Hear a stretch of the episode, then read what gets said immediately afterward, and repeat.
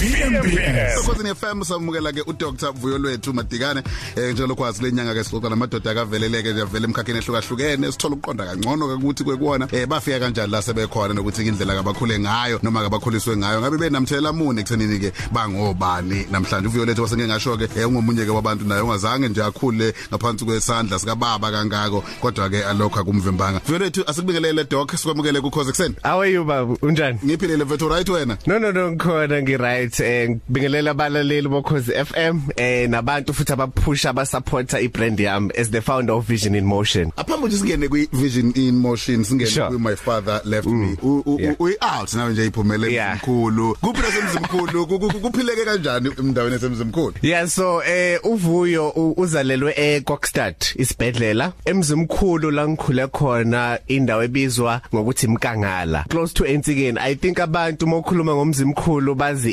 Entsikeni kakhulu yeah. more than Mkangala but it's close there so that's where la ngikhulele khona la besilusa khona sinakele inkomo zamkhulu amagusha imbuzi nani nani so basically I spent most of my time there besilusa ake sizeni ke mngani wami kwi Sure. eh, kwi ngiyakubona walusa eh, konke lokhu ukulusa Yeah, omunye sure. umuntu uzothi eh, usuke unomuntu obonela kuyena njengobaba yini uthi ubaba wakho wayengekho sekangena nokungena encwadini ubekuphi ubaba Okay sure. So into enzeka when uma e- ekhulelwe ubaba makangichazela this is the story from her ngoba mina angikaze ngimbone ubaba wami. So u- umama akachaza uthi ubaba wami wahamba esakhulelwe that's where aqala khona experience inkinga as umuntu wesifazane. Then maka masengizalwa mina ngikhona ubaba beka u- ubengekho. So as ngingakaze ngimbone even today. Yes. So basically uvuyo eh, mangikhuluma ngokuthi I grew without a father ngichaza kona ukuthi ubaba if the father figure as my biological father Yeah. ubengekho ngikhula sure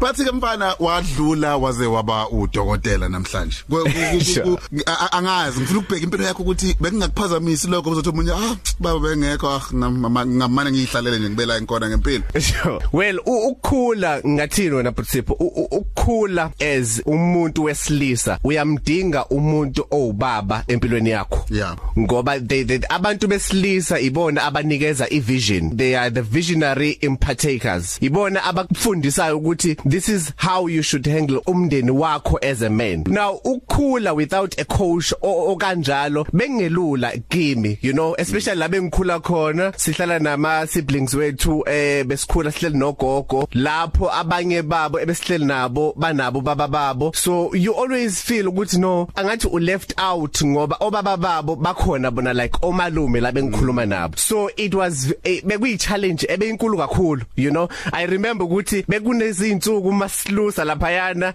especially umkhulu bekathanda ukuthi eh, inkomo ayikho into abaleka kakhulu kumkhulu more than inkomo in such a way fana ungabuye ekhaya if inkomo azibuyanga. I principle yakhe. Now during those times most entabeni that's where lama emotions efika khona ukuthi if bekuthiwa ubaba wami ukhona maybe i could be somewhere empilweni. Wasuke bhala incwadi asiqale ngencwadi yokuqala vision in motion. Eh Yeah, sure. kwaku- kwakuyini inhloso lapha so inhloso ye vision in motion njoba eh, eh njoba ngikhula nje into engangiyifisa mina in my life ukuthi ngibe i motivational speaker i reason yokuthi la ngikhulele khona mawubheka indawo engikuyona abantu a- a- they are not dreaming that much. We don't believe ukuthi you can bala be maphupha mangako Yes because ayikho information you know? Yes we are not exposed to ulwazi. Now ma- mangabe ngenza lencwadi le vision motion inama topic where ngikhuluma ngi-inspire abantu ukuthi wherever you are you can start anywhere. Ube umuntu othizeni ngakusasa despite ukuthi ushawe yini. Ingakho lencwadi le icover ama topic athizeni asizayo or, uh, based on izinto esizibhekayo every day ukuze understand ukuthi une greatness or khona into onayo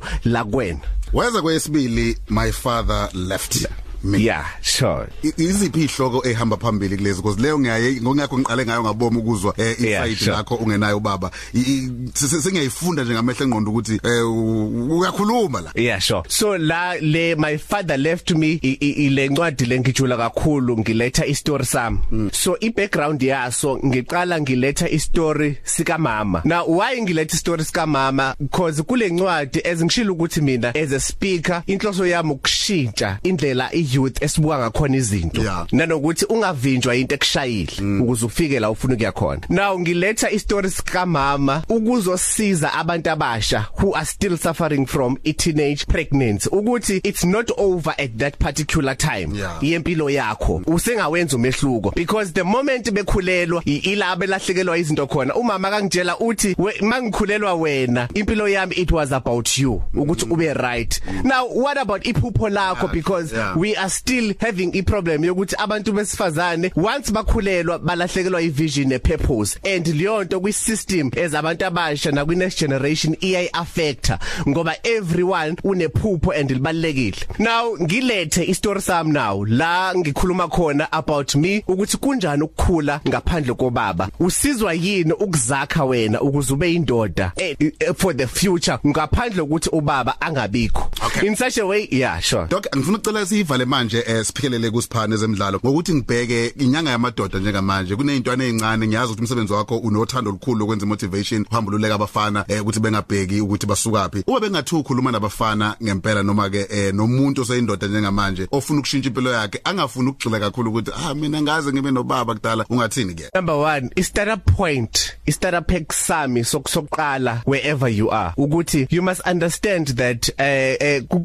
i i- i past yakho is your past. Awushaya ngezulu mfana. Eh ingemuva lakho your past i- is your past. Ngizozama the thing is eh ungixolele because ngisepitori the i- language engisebenzisa kakhulu la isingisi ngoba kunzima ukutransition to i- i- to isisudu but into engifuna ukisho la ku- kumfana osemncane ofuna ukuqala or wherever la ekhona ukuthi i- i i past yakho eh, or ingemuva lakho is nothing compared to lento ofuna ukuba yiyona kusasa. Ngiya understand ukuthi as as umfana omncane uyadinga ukuthi eh, ubukele kubantu abathizeni njengobaba ukuthi babe khona ukuze uye somewhere. Into efunekayo kuwena ukuthi ube nephupho. Once waphupha iBhayibheli lithi uAbraham uNkulunkulu uthi Abraham what do you see? Now as far as you can see ngizokunika. Now number 2 iphupho. Number 2 kumele ukuthi uye esikoleni. Education is powerful. Uthi Nelson Mandela utata wethu of the nation uthi eh, education is the key to success. Once waba nemfundo uvula iminyango eminingi.